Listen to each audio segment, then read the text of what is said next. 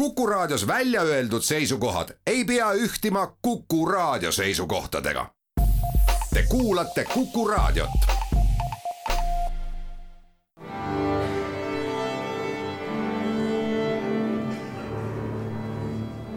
daamid ja härrad, Eesti Kontserdi saade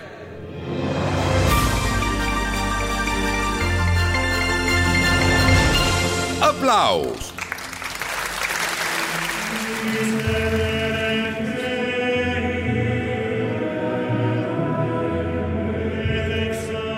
Märtsi viimaste päevade kontserdielu on taas kord tihe, nagu kunagi ammustel aegadel oli tavaline. Kalle Randalu tuleb ja mängib soolokontserdi Beethoveni sonaatidega. Eesti Rahvusmeeskoor toob esiettekandele Henrik Udekaardi suurteose Dollar Matris ja kuu viimastel päevadel on siia oodata ka Manchester Camerata nimelist orkestrit Suurbritanniast.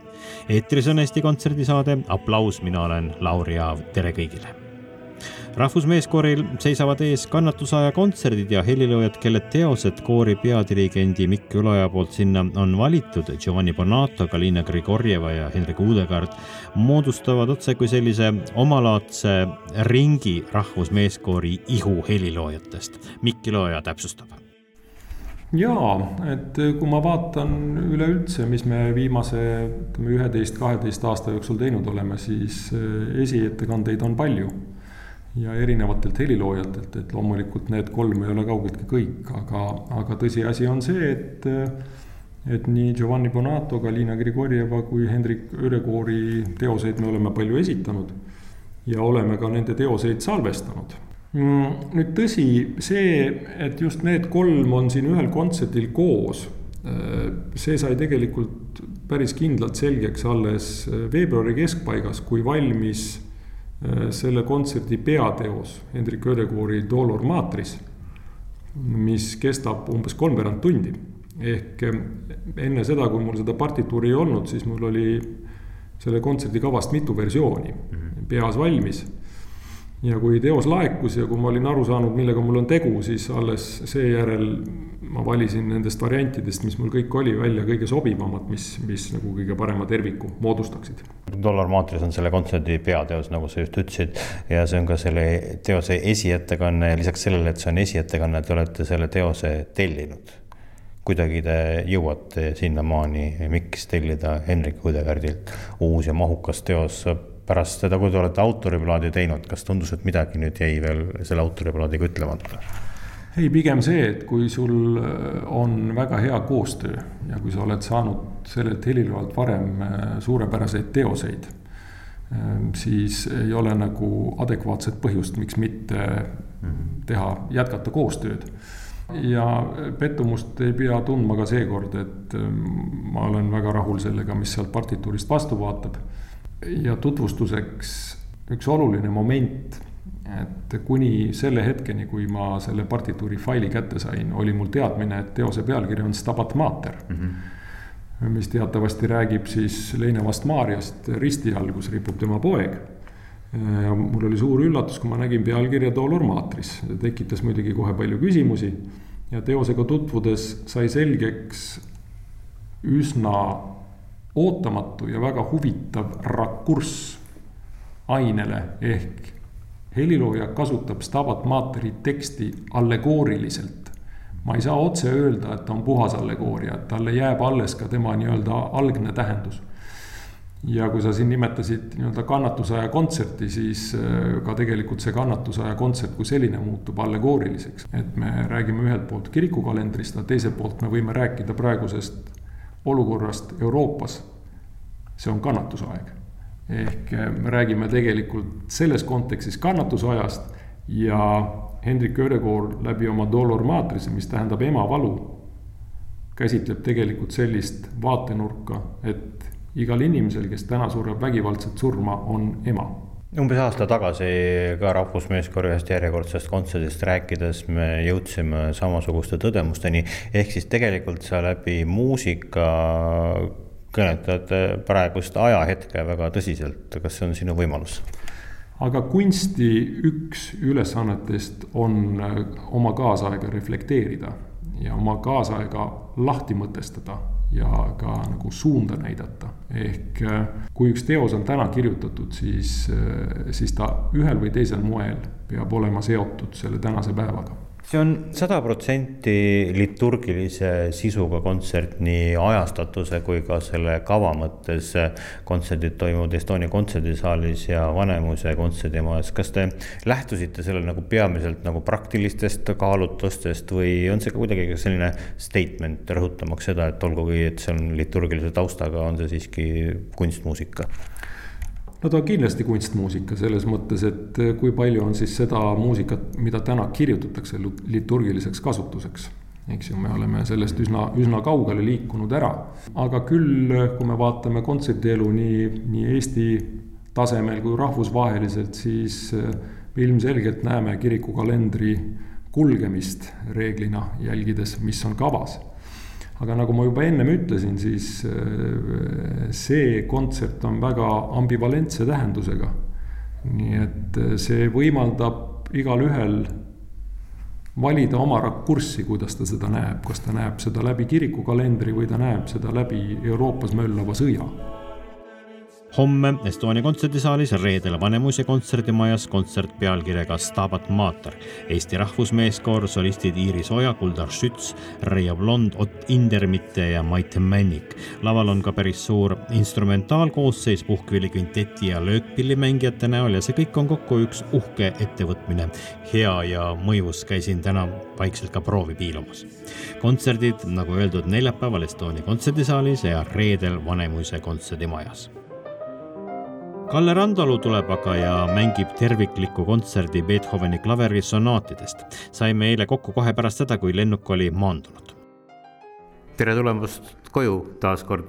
ma mäletan, see oli vist, me olime samasuguses, täpselt samasuguses situatsioonis kuskil juunis, lennuk oli just äh, maandunud, kui tulid Jüri Albertini mälestuskontserdile mängima koos Pärnu linnaorkestriga Mozartit. ja oli küll nii, tere kõigepealt ja mul väga hea meel üle hulga aja jälle Eestimaal mängida. oli küll nii ja, ja jälle kord on lennukilt tuldud ja, ja räägime siin veidi muusikast. see on ju tegelikult see soolokontsert, mis nüüd tuleb on väga mitmendal katsel pärast ärajäämisi toimuv kontsert õnneks lõpuks võib nii öelda küll, sest äh, idee oli mul niisugune kava mängida tegelikult äh, mõnda aega enne, kui tuli koroona ja siis see oli nagu esimene, mis sellele kriipsu peale tõmbas ja siis olid ka siin mitmed teisedki põhjused, no muidugi koroona oli see, see peamine. no Beethoven äh, võib öelda, on samuti ülemaailmse koroonapandeemia suur ohver, sest tema suur juubel, mida muusikamaailm aastaid ette planeeris, kahe tuhande kahekümnendal aastal äh, sai väga suurte piirangute tõttu kannatada palju. ja no mis ühe suure helilooja juubeli tähistamist puudutab, siis ega lähiajaloost ei teagi suuremat ohvrit orkestrit kui Beethoven. sa oled öelnud, et ähm, jäi Beethovenist toona väheseks, kui see juubeliaasta tähistamine oli, see on nüüd selle praeguse Beethoveni kava äh, mängimise põhjus? E, ja, ja ei, e, mulle lihtsalt kõigepealt meeldis väga mõte niisugused, niisugused kolm ülitõsist sonaati kavasse võtta võtta ja tõesti, tegemist on tervet õhtut täitva väga-väga tõsise muusikaga, aga ärge ehmatage ära, ta on lihtsalt oma meeleolude poolest tõsine, aga Beethoven taotles ju ka alati ilu ja ja ta muusika on täis igatsust ilu järgi. aga nii töö käigus siis ma alles ka hakkasin tunnetama, et kui suure ülesande ma endale võtnud olin muusika ju tuntud ja teada, aga need kolm ütleme, vägevat sonaati tervikuna on, on paras väljakutse minule ja igale pianistile, ütleme nii. nimetame kohe ära, hammerklaviir, appassionaata, pateetiline kolmekümne kahest sonaadist äh, kolme väljavalimine, kas see, see valik oli kohe teada, et just need kolm või oli see valiku tegemine keeruline? ei ole keeruline olnud, see, need on teosed, mida ma tegelikult ju tervikuna tunnen kõiki, aga mänginud olin ma siiamaani ainult äh, Appassionatat ja sedagi mitte tervikuna, nii et täiesti uus minule aktiivse mängimise mõttes oli, oli, äh, olid nad kõik kolm. Need on kõige tuntumad äh, Beethoveni sonaadid pianistina veedad sa mm. nendega tegeledes väga palju aega, kas ühel hetkel kuidagi ka tundub, et, et sonaat muutub kellekski või millekski, kellelgi, kellel on mm. omad riukad, omad mm., oma, oma iseloom, kellega võidelda. ja, ja ehm, sellepärast ka need kolm ma valisingi, et eh, vaat Beethoveniga mul on niimoodi, et kolm, ma ei ole kunagi kõiki mänginud ega ei hakkagi kunagi kõiki mängima. palju on selliseid sonaate mul nende hulgas, kus mulle üks osa väga meeldib ja, ja teinegi meeldib, aga kõik ei meeldi kohe mitte ja nendega on niisugune lugu, et, et nad, nad kõik ja iga osa eraldi võetuna on midagi erilist ja see nagu kutsus tööle, kutsus mm -hmm. mängima. kõikides nendes on Beethovenile omast jõulisust, ka, ka võib öelda süngust valu ja igatsust on täis näiteks hammerklaveerit mm, -hmm. aeglane osa, ma ei, ma ei tea, et keegi oleks kirjutanud niisugust muusikat, ükski romantik helilooja ka mitte. nii helide keeles niiviisi rääkida oma hingevalust, ma julgen öelda, et ka suured romantikud ei ole julgenud seda teha. Chopin omal melanhoolsel viisil, Liszt omal teatraalsel viisil, aga niimoodi ei ole, no suur helilooja muidugi, keegi ei ole kirjutanud niisugust muusikat, see on päris selge. Beethoveni klaverisonaat number kaheksa C-moll pateetiline, number kakskümmend kolm F-moll apassionata ja kakskümmend üheksa hammerklaviir niimoodi kronoloogilises järjekorras need ka kontserdil ette kantakse ja kontserdid on täna õhtul Vanemuise kontserdimajas, homme Pärnu kontserdimajas ja laupäeval Estonia kontserdisaalis. Kalle Randol järgmisel kolmapäeval, siis täpselt nädala pärast on aga Estonia kontserdisaal välisorkestri päralt ja see on luksus, mis pandeemia järgsel ajal ei ole väga igapäevane Manchester Camerata on aga siin pikemal tuuril. kriitikute poolt on neid kutsutud kõige seiklushimulisemaks orkestriks Suurbritannias ja see on orkester, kes tunneb ennast koduselt nii Glastonbury Rock Festivalil kui ka klassikalise Mozarti kavaga mööda maailma reisides ja seda viimast nad nüüd siin teevadki.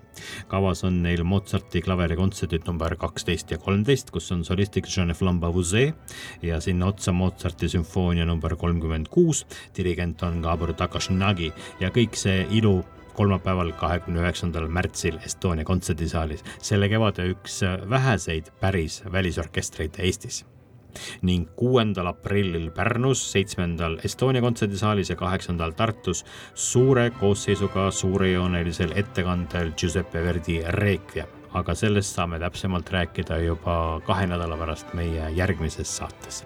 seniks aga kõike paremat